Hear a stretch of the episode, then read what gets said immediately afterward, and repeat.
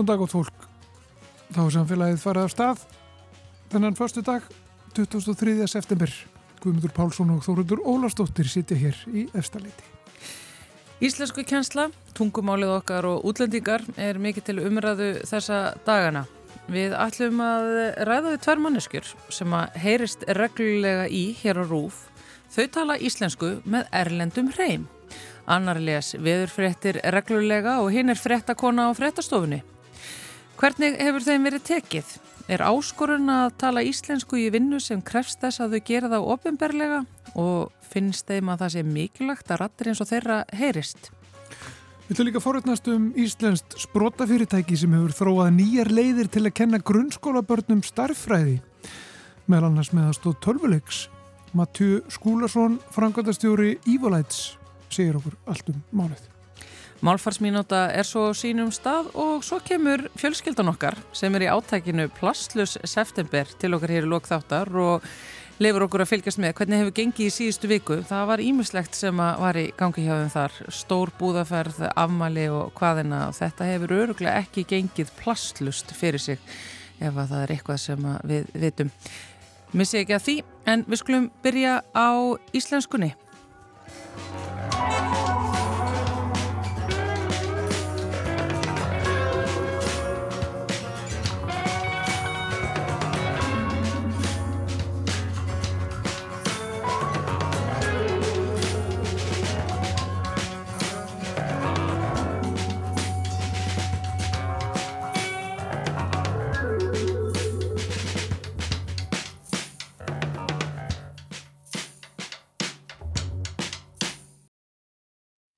Það er töluvert rætt um íslenskuna og uh, hvernig innflytjandum uh, gengur að uh, já, lærana og notana.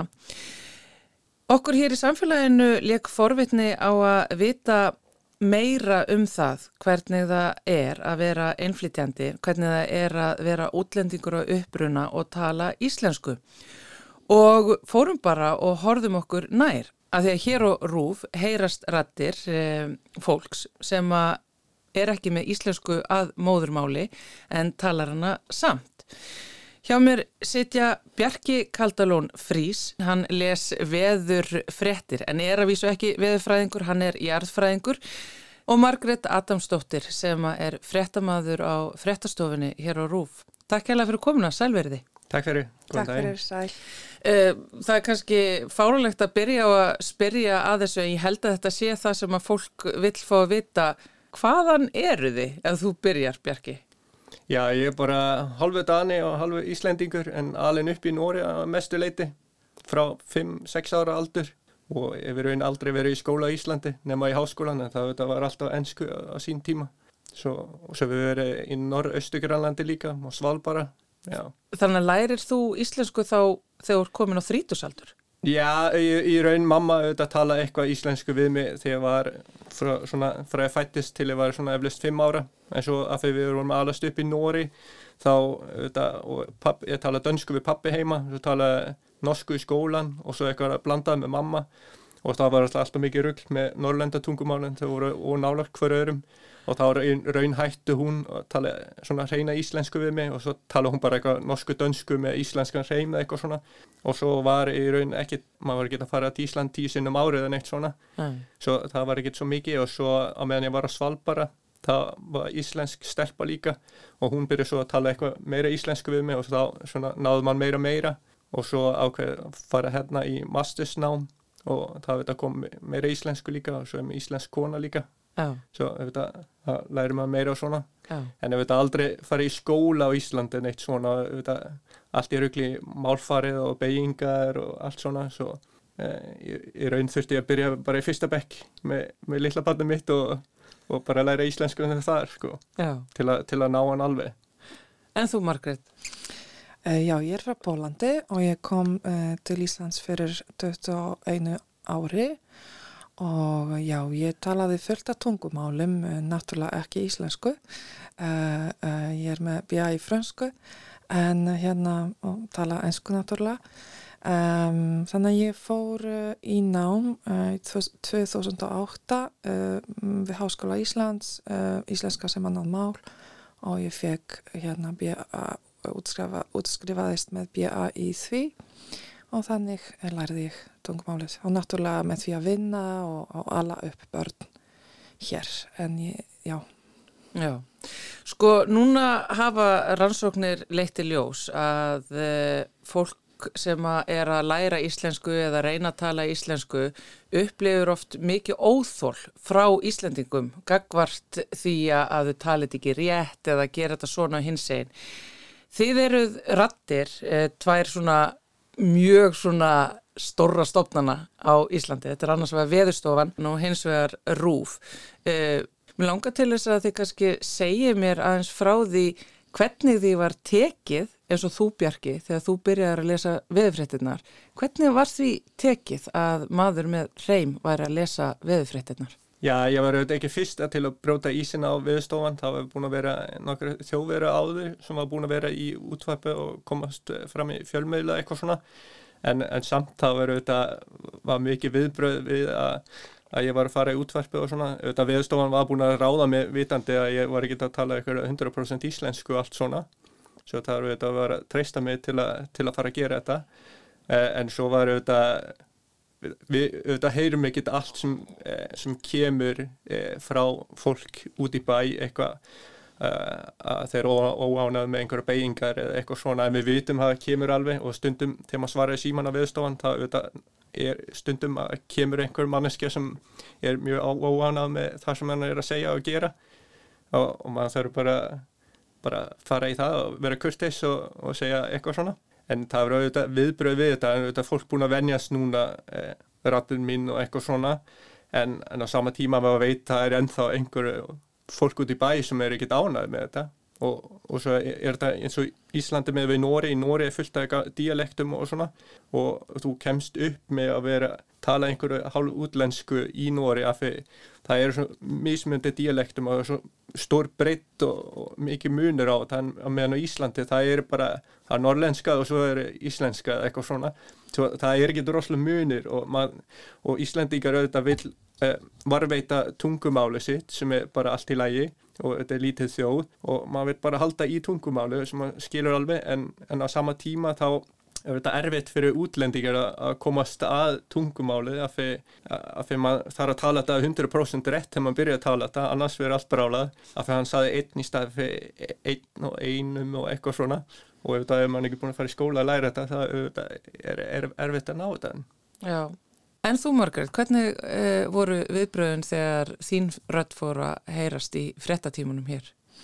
Uh, ég fekk aðalega ótrúlega góð viðbröð, sérstaklega frá uh, Íslandingum sem fólki sem ég þekki úr fyrir vinnustöðum og, og, og náttúrulega vinnum og það var ótrúlega vel degið að móti mér. Fólk sagði að það var stolt af mér og ótrúlega gafan að sjá mig og að ég er að standa mig vel og svo náttúrulega fréttastofan sjálf. Þetta fólk er bara frábært fólk og ég er ótrúlega stolt að geta kynst, eh, kynast þeim og, og vinna með þeim og ég fekk ótrúlega mikið stöðning og, og kvartningu og um, þannig að uh, ég heyrði ekki mikið neikvægt en ég heyrði, heyrði, heyrði það samt, uh, fekk einhverja komment á Facebook að, að um, íslenskan mín uh, er ekki nóg góð og jafnvel heyrði svona kommenta rúf á ekki að ráða fólk sem talar ekki fullkomna íslensku.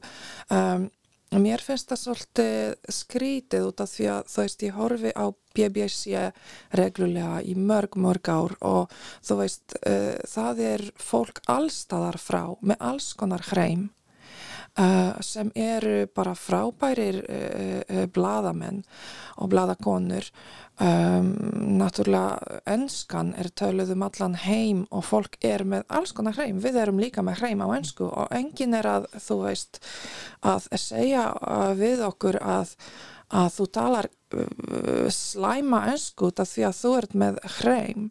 Þannig að uh, þetta er svolítið mikið svona mótsögn að, að vilja varðveita íslenskuna en samt ekki láta fólki að, að læra hana út af því að þú veist hver er svona snillingur að getur uh, verið uh, sérst, útlenskur og byrjað að tala einhver tungumál uh, bara rétt strax. Nákvæmlega. Það tekur náttúrulega mörg, mörg ár að læra tungumál og þú veist, ég náttúrulega gerir mig grein fyrir því að núna ég gerir minni, mm, minni villur en, en fyrir tíu árum til dæmis og ég er að reyna að læra alltaf. Um, sem núna er, er ég fæ, til dæmis fólk er hættur að, að fólk er hætt að leiðrétta mig. Þegar ég var að læra, ég bauð sérstaklega vini minna íslenska og, og um, um að leiðrétta, leiðrétta mig um að segja mér, ok, þú beir hérna vittlaust, við segjum ekki svona og ég gerði það. Núna það leiðréttir mig nánast engin þannig að það er kannski erfiðara að, að verða betri núna. En ég held það samt þú veist ég er alltaf að, að, að tjekka í, í, í orðabókinni hvað eitthvað þýðir og ég er að reyna að þróa tungumáli mitt. Um, ég fekk til, tiltölulega lítil slæm viðbrögð þegar ég var að læra. Fólk var að hjálpa mér mikið og um, já það var mikið að, um það að fólk skipti yfir á ensku strax þegar það heyriði hreiminn minn og ég þarf að vera ótrúlega först og hérna uh, þrjósk með því að segja ég vil ekki tala ensku um, þannig að ég held að það gæti verið aðeins meiri svona góður vilji í Íslendingum og þakklæti. Oh my god, þess, við erum þessi lítil þjóð. Það er þetta fólk sem vill læra þetta tungumál. Það erum líka við sem ætlum varðveita tungumálið ekki bara innfætir Íslendingar.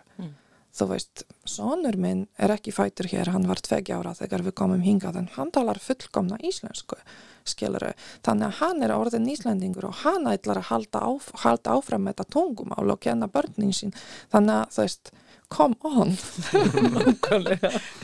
Haldið það að skipti máli að rattirnar ykkar heyrast hér á rúf, þú veist, þú í veðufréttunum og þú í fréttunum. Bara upp á byrtingamind uh, þessa stopnana út af við og uh, já, kannski líka bara til þess að taka betur utan um samfélagið okkar sem er með alls konar rattir, alls konar íslenska, af því að Íslendikar tala líka alls konar, en líka bara, veist, fólk sem hefur fluttingað. Það skiptu auðvitað máli þegar býr 60.000 útlendingar núna á Íslandi að, að þeir heyrir að það er fólk sem talar ekki fullkomlega íslensku og það er alveg hægt að lifa í þetta samfélag að tala svona hálskríti íslenska íslenska með reym og eitthvað svona af því eins og margir segja, maður byrjar auðvitað að geta að tala þetta 100% og þetta Íslandingar átti að vera ánað að, að maður svona, að kemur eitthvað fólk sem reynir að tala íslensku af því ef maður er svo slegin niður strax Já. það er auðvitað enginn sem ennar læri íslensku og, og, og vill ekki aðlæðast samfélagi að þann hátt og, og þú auðvitað aðlæðast og integrerast betri í samfélagi á Íslandi og bara allstað sem að fer út í heimurinn líka ef þú tala tungumáli. Eins og í gamla daga þá voru alltaf að tala um að frakka heitir kynna aldrei ennsku eitthvað svona en þeir voru rosalega gladur um að sagði bara eitthvað bonjour og eitthvað svona.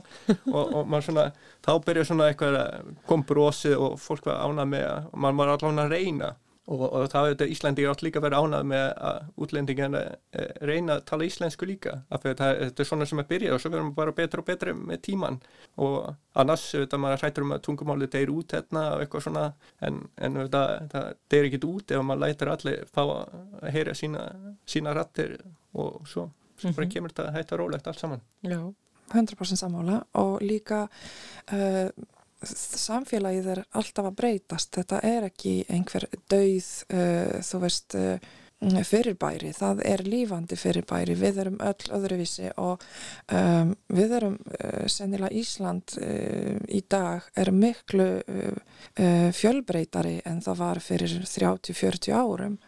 Og það er náttúrulega fullt af fólki allstaðar frá og um, það að heyra okkar ratir held ég er endur speglun bara á því mm -hmm. að við erum, við erum hér, við erum þú veist, við erum búin að gera allt uh, til þess að verskulda að hafa tækifæri að, að, að uh, vinna þessa vinnu og bara um, já uh, vera uh, já, með sömu dækifæri og allir hinnir, af hverju ekki? Þú veist, við erum uh, velmentuð og við tókum mörg ára að læra þetta tungumál þannig að þú veist um, já, verðum ekki hrætt að segja þetta, þú veist við, þetta er okkar, okkar plás líka. Þetta er okkar land. Mm -hmm. það er orðið okkar land núna svo þarf þetta kannski líka Íslandi að hugsa þetta uh, út frá sjálfan sig. Sko, ef Íslandi að flytja til Kaupmannahöfnu París, uh, hvað sem er þeir eru líka alveg samfélagið þarna að læra tungumáli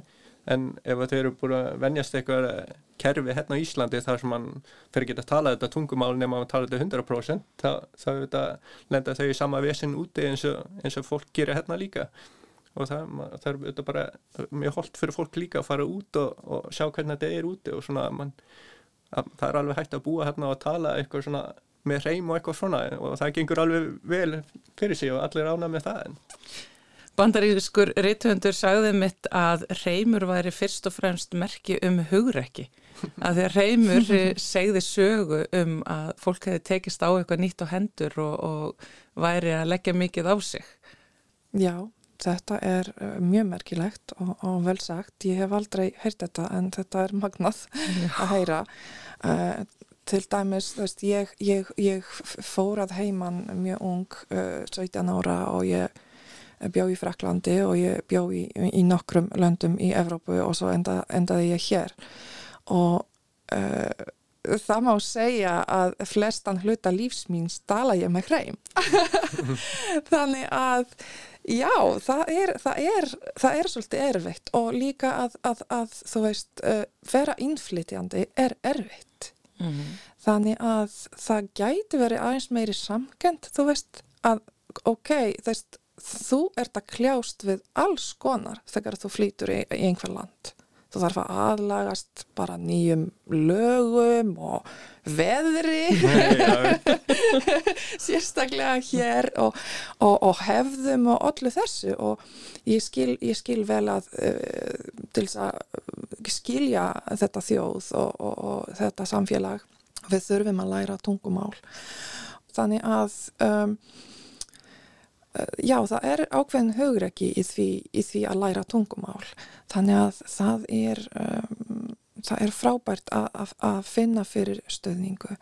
Og ég, ég, til dæmis, ég get ekki sagt að ég er með slæmarænslu.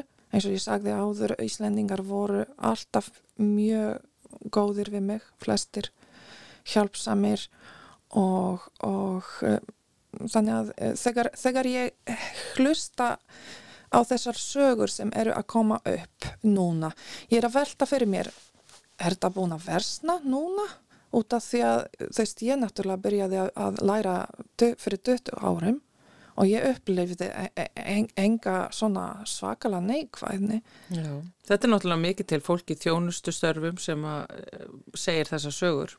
Það sem að verið einhvern veginn að reyta í þau og skamma þau fyrir að tala vittlust. En svo er að ma maður heyri kannski bara allt það neikvæð allan tíma sko af því ég held að svona flestir, menna 90,1% er bara mjög ánað með, með allir útlendingur, allir sem, sem talar og tala halvuð og allt svona. Og, og svo þetta heyrir maður bara þess að sjöur um eh, þau sem finnst bara að þú ert að falla með vittlaust eitthvað, menna auðvitað ég far líka einhver tölvupóster og SMS og og eitthvað á messenger og einhver, einhver ringja í mig í vinnun og eitthvað svona eða heim og eitthvað svona að segja einhver hluti. En, en maður þarf auðvitað bara að láta það bara hlaupa í gegn. Af því flestir er ekkert svona auðvitað eh, viðbröð út í bæin þegar maður hittir fólk eitthvað svona bara rosalega ánað með að maður talar og eitthvað.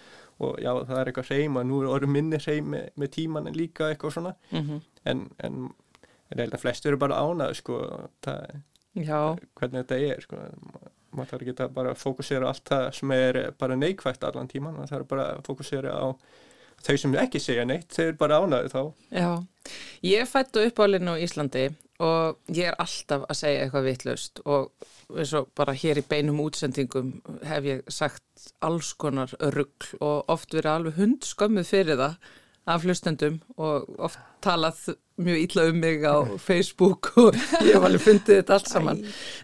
Mér finnst það alveg svona pínulegilegt en, en þess vegna fór ég að hugsa sko hvernig þetta er fyrir ykkur, veist, ymmit, af því að fólk getur stundu verið svo greimt Menna, maður, maður sér oft sko ef við tölum eitthvað Íslendingar í sjómarpu og eitthvað svona líka. Og, og það er oft að Íslendingar nota eitthvað ennsk orð eða eitthvað svona, Já. einhver orð sem ég vildi aldrei nota eh, sem ég veið eitthvað bara, akkur að nota þetta orð? eitthvað svona, svo auðvitað kemur einhver áhrif frá YouTube eða hvað fólk er nú búin að hlusta á og sjá í gegnum tíman eitthvað sem og það er auðvitað það sem sumi Íslendingar auðvitað hrættir um að, að íslenskar er að vatnast út og mikið að, að Já, kemur og mikið áhrif og eitthvað annað. En menna, ef þú vart að vinna móti einhverju áhrif, menna, þá kemur hann eh, hvort sem er en svo, það er bara hvernig þú vart að vinna í, í þessi áhrif sem, sem, sem er í samfélagi sko. Veist, íslenskan er alls konar.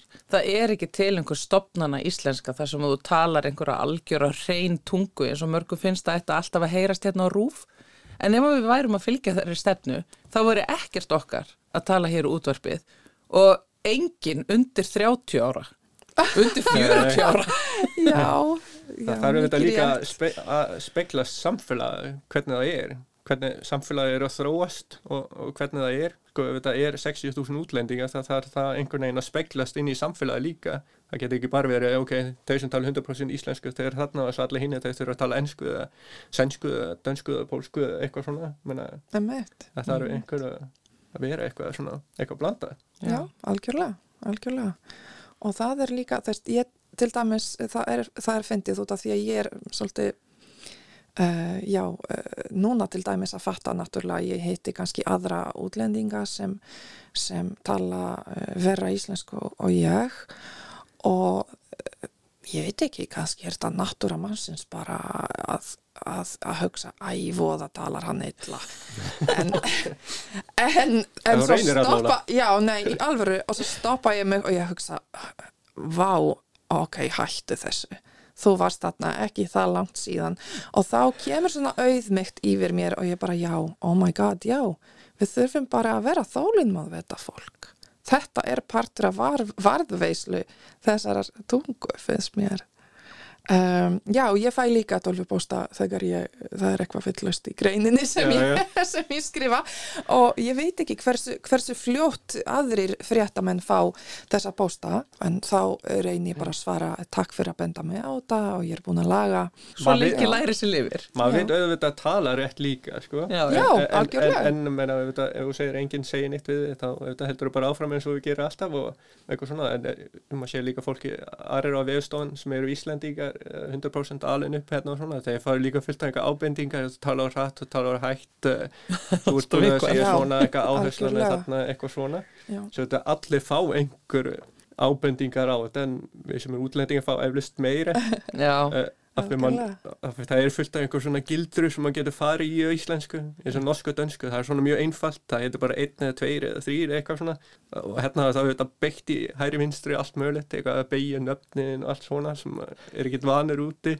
Og þá auðvitað lendur mann í þetta. Og ef mann er ekkit alin upp í eitthvað skólakerfi á Íslandi þá er mann eflust ekkit að ná tökum á þetta 100% Nei, Já, já. nei, en það lærist samt með því jafnvel að hlusta. Ég fattaði til dæmis að þú veist, ef ég, ef ég segi alltaf eitthvað villust og svo allt í einu sé ég þetta skrifað einhver staðar og ég bara, já, emmitt, þetta er svona og þá, já, og þá breyti ég því, þannig að við erum alltaf að læra Já, held ég. Það, ég get sagt það sama um, um, um móðurmáli mitt pólskuna.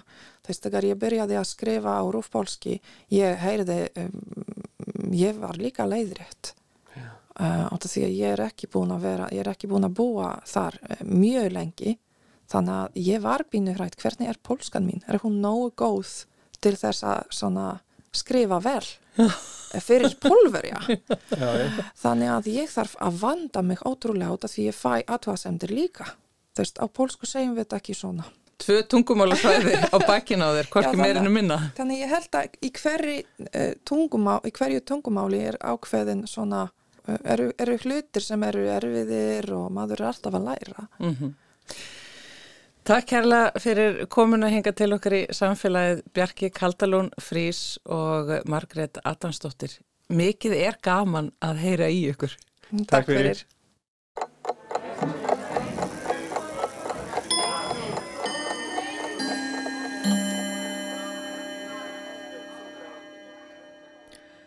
Hvað er líki?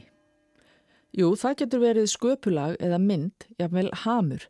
Þá er talað um að bregða sér í líki einhvers, til dæmis allra kvikindalíki.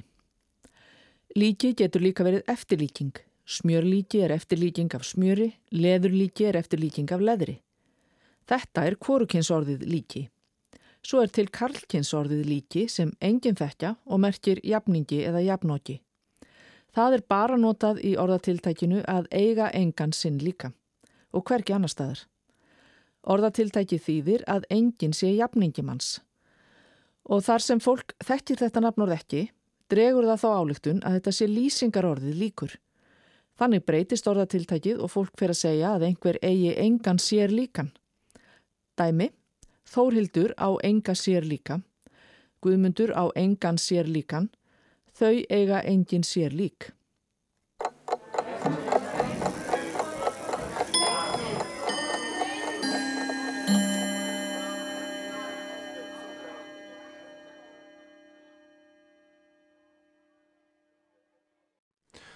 Við erum að tala eins um uh, starffræðinám uh, næstu mínutunar og leiðir til þess að kenna börnum starffræði. Uh, maður heyrir stundum af því að starffræði kennsla, hún svona gengur ekkit allt og vel alltaf og það eru mörg börn sem að upplifa starffræði kennsluna þannig að minnstakosti að, að hún sé erfið og starffræði sé erfið og kannski eru niðurstöður úr prófum og könnunum uh, ekki til að hrópa húra fyrir hér á Íslandi í samanbyrðu önnur lönd heldur. En hann er sestur hérna hjá mér Mattiu Grettir Skúlason sem er frangatastjóri Evolites sem er, uh, já hvað var að kalla það? Kennslukerfi, hvað kallið það? Við notum orðið mentatæknisbroti, það já. er svona flotta orðið yfir það. Já, við að uh, þróðum Evolætsnámskerfið til að kenna bönnum starffæri hraðar og með ánungarsvíkari hætti uh, og gera námið skemmt eftir sama tíma. Mm. Evolætsnámskerfið er og verið samanstendur að þremur vörum sem vinna sem ein heild. Við erum sérst með Evolætsnámsleikin. Námsleikurinn sjálfur stendst samanböru það skemmt efni sem bönn sækjast í. Gerir námið einstaklingsmið og skemmtilegt.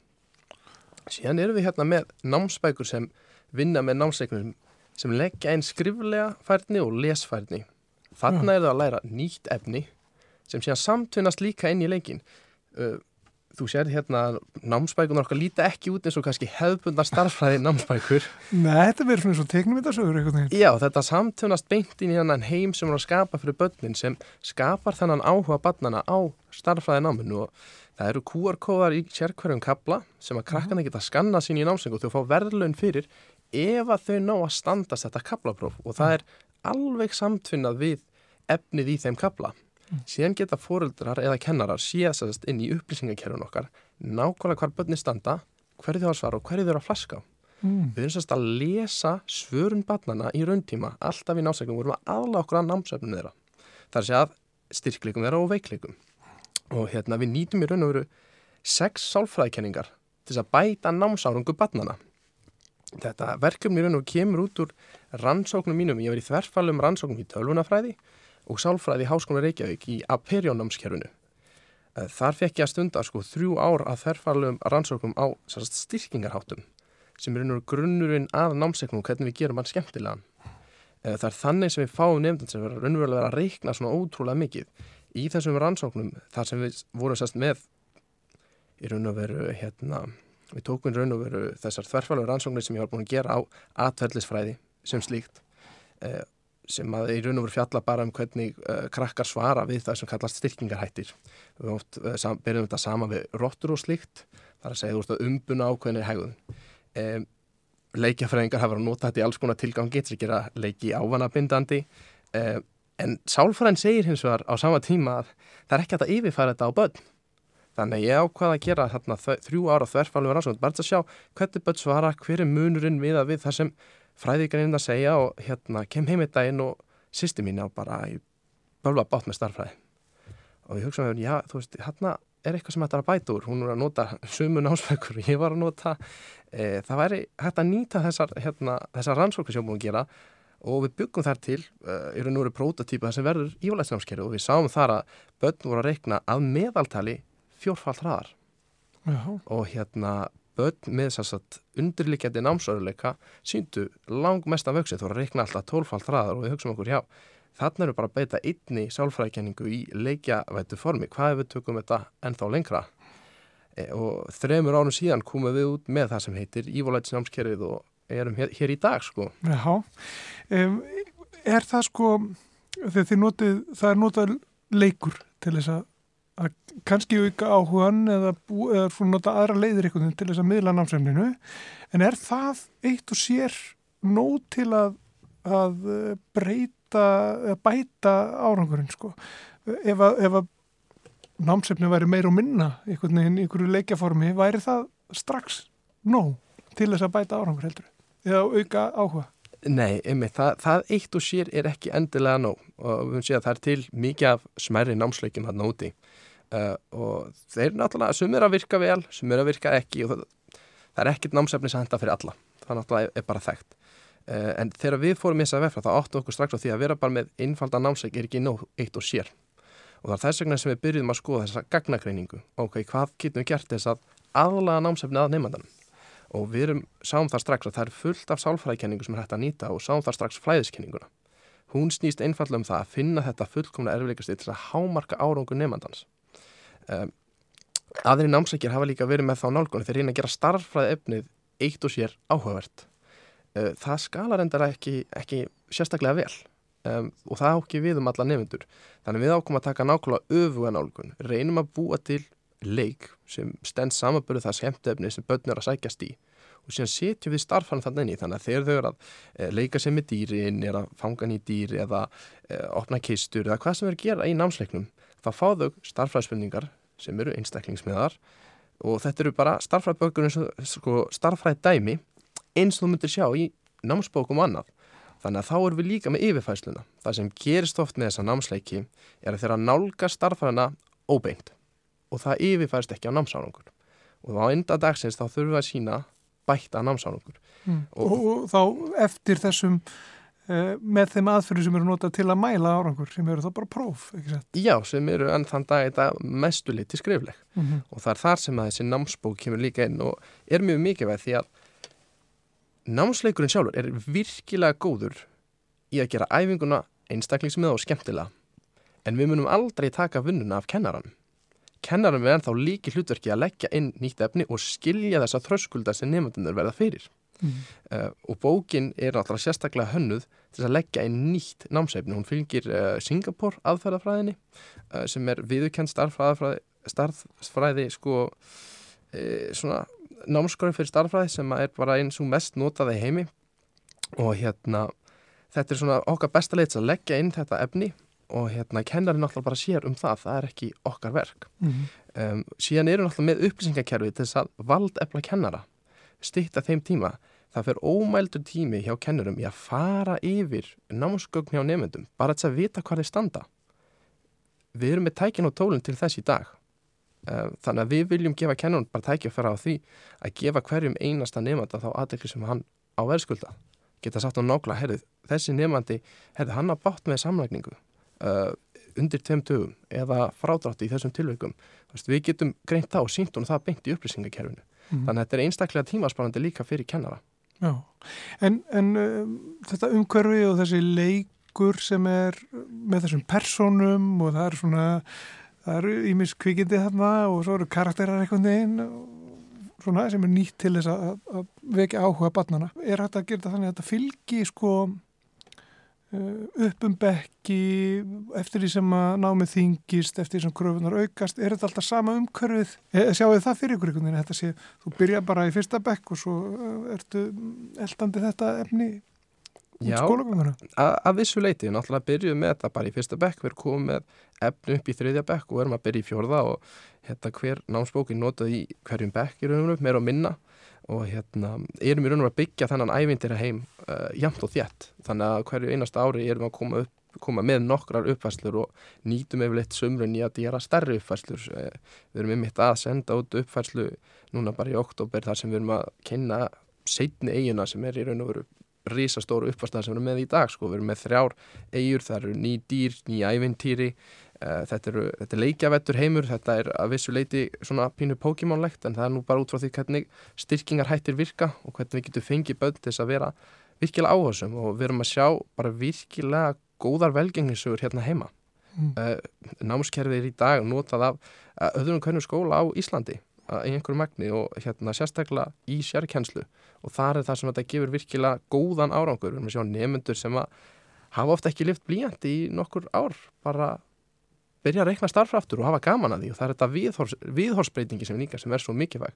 Og við vorum í hvað í fyrra vorum við yfir 2700 nefnendur nota námskerfi virt í skóla, skólakjörn hérna heima.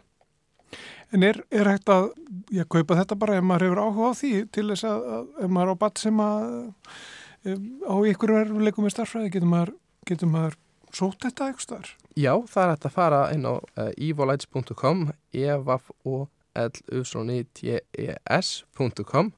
eh, Þar er hægt að kaupa áskrift sem einstaklingu líka ef að batnið þitt er ekki svo hepp að hafa þetta í, í skólanum eða þarf auka hjálp í starfræði þá er það bara tilvalið og hægt að hala niður appin sjálfur bara í Google og Apple Play Store Já. og það er bara ekkert mál mm. Hver eru stóru draumanir hjá ykkur hjá Ívolets? Hvað, hvað langar ykkur að gera? Stóra markmið okkar hefur náttúrulega alltaf verið að umvelda mentakerfinu Það er ekkert smáraði. Nei, það er nefnilega ekki smáraði. uh, við, við erum oft spurðið hvort við getum ekki farið yfir í íslensku og dönsku kjenslu og fleira og það, við getum gert það. Uh, allt kerfið okkar að hannað óháð námsefni í raun og veru. En við viljum verða best í starfræði. Starfræði er stort vandamál og hérna, við viljum uh, bara fá að hámarka ámrangur nefnda og í raun og veru öllum Norðurlöndunum og bara öllum heiminum helst. Mm. Þetta er einn ein starsta áskon okkar samtíma er starffræði kunnóta uh, UNESCO, tölfræðild UNESCO áallar að 617 miljón nefndur eða 6 að hverjum 10 nefndum mun ekki sína fram á hæflan starffræði kunnótu 2024 og þetta vandamál líka við hérna heima við erum með 26% nefndur hérna heima meðaltali ára 20% við erum með öll tólinn til í dag til þess að gera nám skemmtilegt einstaklingsmiðað. Og hérna við viljum bara sjá þetta innleitt bara allstar og það er til aðrar vörur, eh, kannski ekki endilega sambarlega okkar en líka í lestri og öðrum þar sem við getum raunverð að fara að breyta raunfærni nefnda og það verður virkilega gaman að sjá það er náttúrulega mjög mikið að gerast sérstaklega eftir COVID uh, og það verður virkilega gaman að sjá hvernig skólakjörn er að breyðast við og þessi hugsunarháttur þær umkring sko mm -hmm. Eru þið komin að stað erlendis? Eru þið að setja yfirleits á markað eitthvað starf annar staðar? Já, við erum að taka okkar fyrstu skref í Svíþjóð, uh, Noregi og Danmarku. Uh, höfum svona aðalega vera að einbeita okkur á Svíþjóð. Uh, það er mjög áhugavert að sjá hvernig þau nálgast mentatekni. Þau eru held ég með þeim fremri bara í Evrópu. Þau leitu inn lögjöf 2017 þar sem að hver einasti nefnandi á að hafa rétt á því að vera með einhvers konar hérna tæknilegt tól við kennslu. Þetta var innleitt 2017 og nú engin, engin skýr skilir hvernig þetta átti að vera innleitt en þetta kom í flest uh, sveitarfjölu að einhverju leiti að náðast allavega niður í fyrsta bekk þar sem að það er fjallað um þessi, þessa síma og þessa spjaltur og þessa tölur sem við erum í kringum í dag sem mannréttindi. Það, það er réttur krakkana að vera með uh, í raun og úr tækja tól sem endur spekla okkar samtíma. Uh, mjög, mjög áhugavert, svona, hvernig segja, öðruvísi sjónarhótt á þetta en kannski við upplifum hérna heima. Mm. Um, þannig að við höfum verið aðalega að herja þar og það hefur bara gengið ágætlega og fengið ágætt þessi viðtökur Finnst þér, finnst þér uh, kerfið hérna vera íhaldsamt? Finnst þér mentakerfið á Íslandi vera, vera íhaldsamt? Er það stendur það vegi fyrir því að, að, að það sé svona að tækni sér nýtt eins og hún geti verið? Stóra vandamálir raunverulega á Íslandi uh, í námsefnikjærð sérstaklega er að það er ríkisreikið. Það er að segja að mentamálastofnun sér um í raun og veru all, alla gerð námsefnis fyrir grunnskólana. Þannig að það er raun og veru uh, lítið sem ekkert fjármagn til fyrir kennara að velja, velja sér í raun og veru framústefnulegt námsefni á hvaða formi sem það getur verið. Uh, og þetta er raun og veru stórt vandamála sem er búið að benda á ítrekkað. Um, vonandi fer, fer það að breytast. Um, Við erum hins vegar, erum svo heppin hérna á Íslandi að sveitarfjölinn hafa staðið mjög framalega í því að nútíma væða e, námsefni sitt. Það er að segja að Kópáur hefur staðið fremst í þessari e, nútíma væðingu. Kerfi okkar er nota af, öllu, já, þetta, það er nota af öllum grunnskólum þeirra uh, allinni veitskóla nota þetta í almennur kjenslu í fyrsta til þriðja bekk, gengi virkilega vel en þau hafa bara tekið þá ákvörn, þau ætla að vera framháskatt og kaupa þetta námsefni þrátt fyrir að lögin segja að ríkið eigi að raunverulega veita þeim þessa þjónustu þannig að hérna, það eru vissulega ljón í veginum, það eru uh, nánast engin sprótið fyrirtæki í námsefnisgerð fyrir skóla og hérna við fórum í gegnum viðskiptar hann starta upp Reykjavík á sínu tíma og þar sögðu allir aðgjöð okkur bara að sleppa skólunum, bara ekki eins og leggja í þetta uh, þannig að hérna Já, það eru vissulega ljón í veginum. Uh, við múist þess að þetta takk einhvern breytingum, hvenar og hvernig, það, það verður bara að koma í ljós. En hérna, ég, ég er, hlut, er sagt, uh, stjórnarmeðlumur í mentatekni samtökum Norðurlandana og hérna, við höfum verið að reyna að ebla hérna, samstöðu millis brotafyrirtæki á Norðurlandunum og læra hvernig önnur aðra þjóru að gera og er að tekla þetta.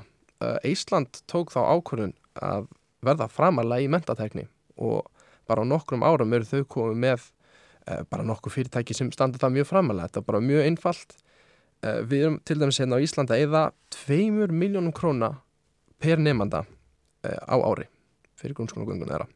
Það er ekki hægt að fá upplýsing hvernig þessi kostnaði dreifist. Kvítbók í Mettavansi kom nú út 2014, það er nú ekki til betri upplýsingar en það sem allavega ég fann. En hún leiti það í ljósa að hérna, nefnundur og það sem við erum að fá út úr raunvölu í skóleikjarnu fyrir þess að 2 miljónir er bara hlutaslega mjög látt bara með þau lönd sem við viljum bera okkur sama við og hérna þetta raunvölu kemur, kemur að því að hérna við erum ekki með neitt fjármagn fyrir kennara segjum við segjum nema 10.000 krónur per nefnda þar sem við getum bara valið, hefðu, ég ætla að kaupa inn þessa, þessa og þessa þjónustu. Því að þessi nefnd á þessa námsáruleika það er til fullt af flottum kjærfæðna sem gætur raunverulega umbylt námsárangri. Og ég er engan vegin engan vegin að drega úr vinnu kennara. Við viljum sjá valdeflingu kennara. Þeir verða að geta valið það námsefni sem, sem þeir verða að nota við þurfum fjölbreytileika í kennslu. Það er mjög leðlegt fyrir kennara að reyna að vera framústefnulegur og segja bara, herru nei, það er ekki fjármagn. Herru, ég ætla ekki búa til mitt eigið efni, já ég get ekki selta þannig að já, þú, þú endar aftur á reyt eitt þannig að þá eru þau bara að gefa vinnu sína. Oft í ólaunaðri yfirvinnu sem við hefum bara því miður séð allt, allt, allt of oft. Þannig að það eru mörgljón í veginum það hafa margir gert þetta mjög vel og við höfum hort svolítið til Íslands. Þau ákveð bara, við ætlum bara að sitja hérna styrtarsjóð til þess að þýða einfallega bara vörur yfir á íslensku. Ég man ekki hvort það voru 5-6 úrst efru og þá fengur allt hennu fullt af þjónusum sem að komin á marka þar sem að hefur kannski ekki gert annars.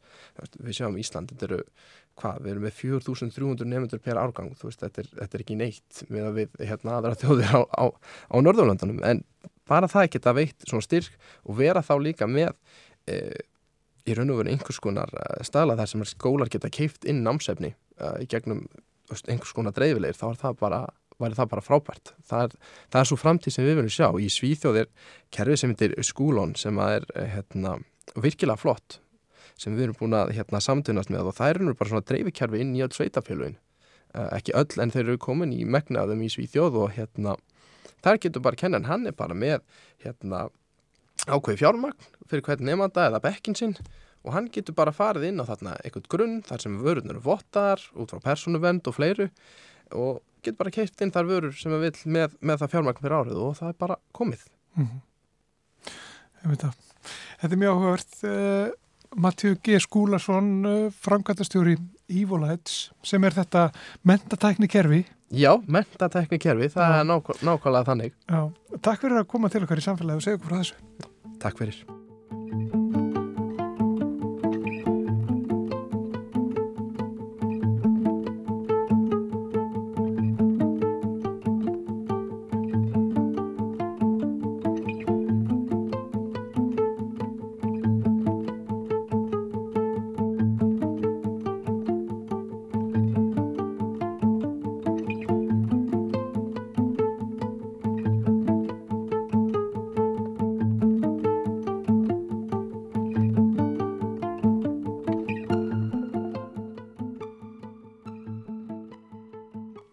þá er komið að því að ræða um plastlusan september hér í samfélaginu. Við gerum það vikulega á meðan september mánuði stendur með fjölskyldu sem er að taka þátt í átakinu og þau leif okkur að fylgjast með hvernig gengur og þau eru komin hingað Gunnela Hólmarsdóttir og Edvard Alli Birgisson, sælverði. Sæl.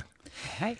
Mér langar eh, bara svona fyrst og fremst til þess að segja að þetta er þriða sinn sem þið komið þarna og mjög, mjög hugrakt af ykkur að, að leifa okkur hlustendum að þess að svona rína inn í hvernig þetta gengur hjá ykkur. Ég er ekkert vissum að öll heimili landsins þóli það að, að flokkuninu þeirra segja svona dreyin fram í dagsljósið. En að því sögðu langar mig til þess að spyrja ykkur, e, eru þið að leggja meira á ykkur af því að þið þurfið að svara fyrir það hér? Nei, ég, nei, bara alls ekki sko og ég einmitt hérna var að eitthvað útskýra þetta fyrir vinnufélagum mínum að ég væri hérna og, og þau eitthvað svona, já, ok, ertu þá eitthvað rosa dölur og, og passa þetta og hitt og ég er bara svona, nei, eða, þú veist, ég bara tek frekar eftir því ef það er eitthvað sem kemur inn, mm. þú veist, það er, nei, nei, ég, ég játa það að við bara höldum okkar striki sko. Já. Já, ég held kannski að þetta sérst, að koma hingað sé ekkit eitthvað svona vendipunktur en að það sé plastlust september Já. sem er frábær áminning og mér finnst svona að auðlýsingarna frá þeim eru þú veist rosalega hvetjandi og skemmtilega og hérna og, og að fá svona smá svona átagsmánuð mér finnst það alveg hjálpa mér. Því þá svona verði miklu meðvitaðari og ég fæ þessar stöðu áminningar og hérna, en ég er alveg fegin ég þurfi ekki að sína ykkur plasti mitt, skilur því þá vissuðu líka hvað ég væri að borða. En nei, nei, þetta er hérna, þetta er bara gaman sko, ég finn ekki fyrir neinum kvíða hvert þessu eða, eða þannig sko. Já, þannig að það er allt upp á borði hjá ykkur og einmitt í þeim anda setti ég ykkur fyrir verkefni að leifa okkur svona að skiknast inn í ykkar daglega líf þegar þið standi frammi fyrir plastvandanum og það var Gunnela sem stóð fyrir honum nokkru sinnum í þessari viku og sendi okkur í samfélaginu sem sagt hugleðingar sínar bara þar sem að hún er að hugsa þetta, stendur frammi fyrir þessu og við skulum kannski bara fá að byrja að heyra svona fyrsta plastvandamáli sem að Gunnela lendi í vikunni. Þetta senduru til okkar hérna fyrir nokkurnu dögum. Mm -hmm. Jæja. Það er afmælu morgun og ég ákvað að taka almennilega til og ákvað að byrja í fataskafnum mínum sem að geymir líka allt snirtidóti mitt og ákvað að fara yfir gömul krem og eitthvað svona dót. Og ég bara seti hérna á rúmstoknum með hrúu af útrunnum kremum og plastinu sem þeim fylgir. Og þetta er allt eitthvað svona maskar og handaburðar og sólavarnir og eitthvað svona alls konar drasl sem maður náttúrulega notar alveg mjög takmarkað í stuðan tíma og svo bara verður þetta útrunnið. Þannig að það er aldrei þess að fara að bætast í plastraslið á mér. Hmm, ég hef ekki átt að gera þetta. Hefur ekki átt að gera þetta? Já, það eftir ég hef kannski brátt að gera þetta í næsta mánu. Já. Já, þetta er, þetta er hluti af þessu innkaupum, hefur maður er að heldur um að sé að kaupa eitthvað sem mann er virkilega vantar og, og þetta er oftast allt í plasti, snirtu vörðuna sérstaklega og, og svona, kremin. Já. En já, þetta er, sko, það, við erum löngu farin að fylla á sjampó og svona, það eru svona nokkur hlutir sem eru Já. aðgengilegri og, og þessar snirtuverur e, voru mjög gamlar.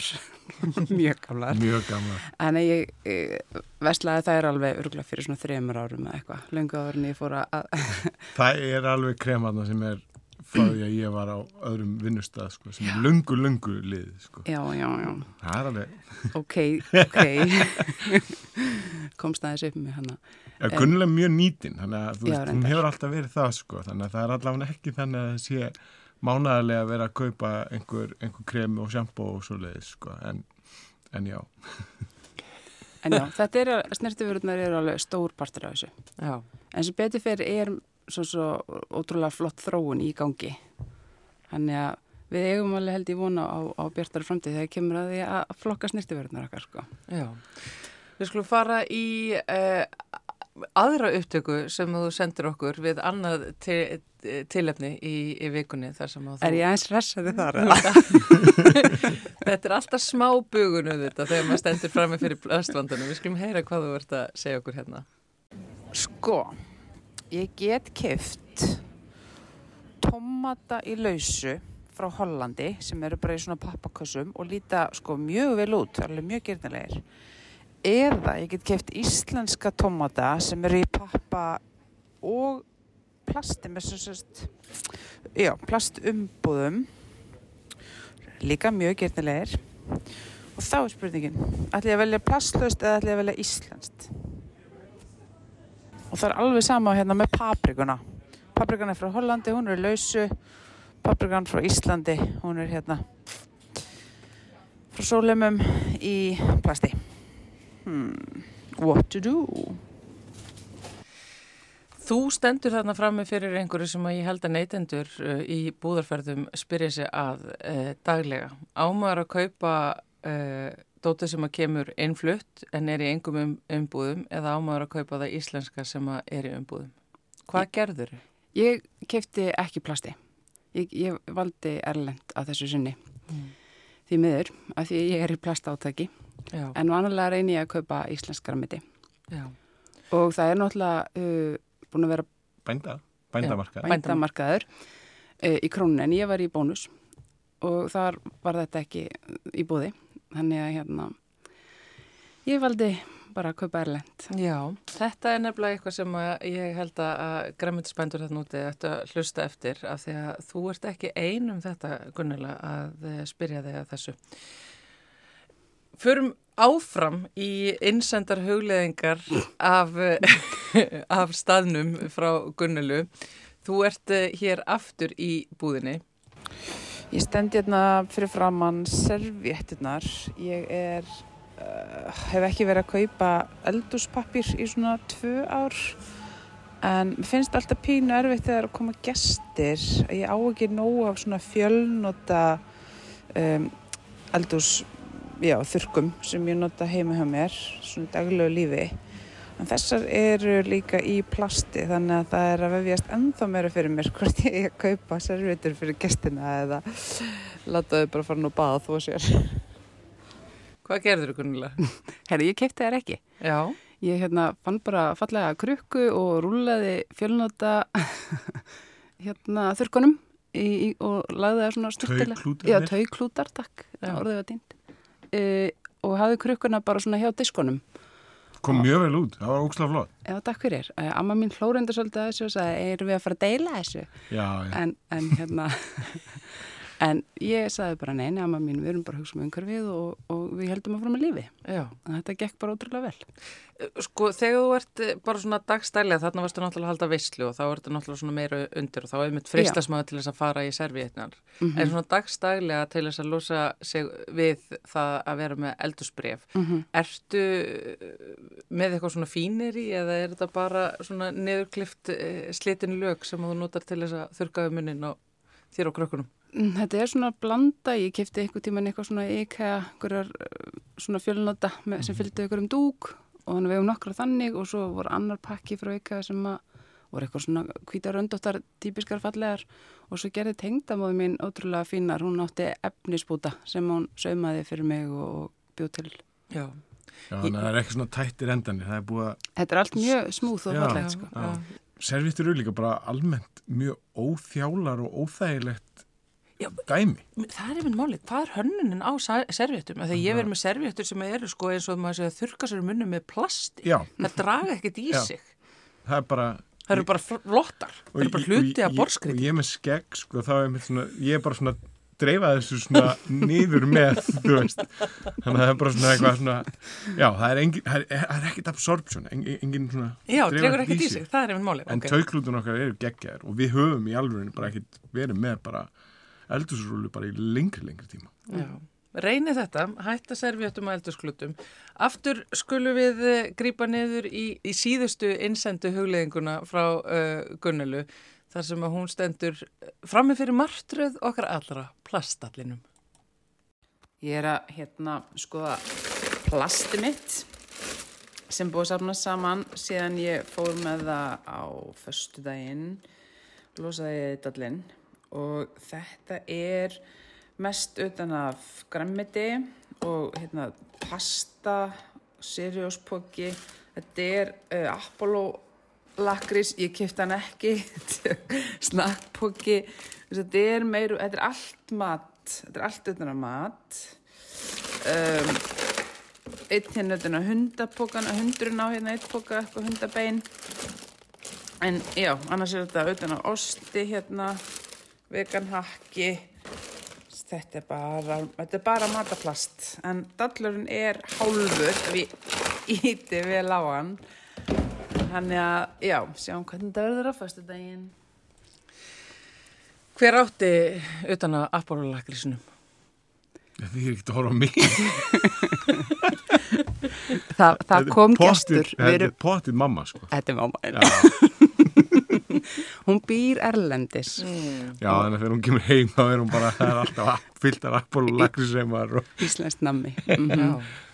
En hvernig endaði þetta þá? Hvað haldið þetta séu þá mikið af plasti sem að hefur komið þessa vikuna inn í þennan dall ef við miða svona við hann? Sko, ég meit, ég held ég að sagt í fyrsta þætti, ég held að dallurum væri 5 lítrar, en hann er alveg 22 lítrar. já, mega meiri sens. Já, já, miklu meira. Ég hef aldrei verið góð með tölur. En hérna, en þetta er svona einn hálfur dallur sem við höfum náða að eh, sleppa við þennan mánuðin. Af því ég hef alveg verið að tæma hann minnstakosti einu sinni í viku. Já, Þannig að þið eruð að ná góðum árangri. Alveg svakalega og ég sko hefur mitt verið með hann stóra dall inn í þvottahúsi sem við höfum alltaf tæmt yfir í en hann er ekki lengur, ég bara ákvaða að við myndum bara vera með þessa þannig að við erum að minka um já, alveg tölvert magn sko. Ég held að þið getur bara að gefa ykkur klapp á bakið. Ég sko, ég ætla að gefa henni kláfa baki því ég vissi ekki með að stóri dallurum væri farin, sko. Þriða vaktinu.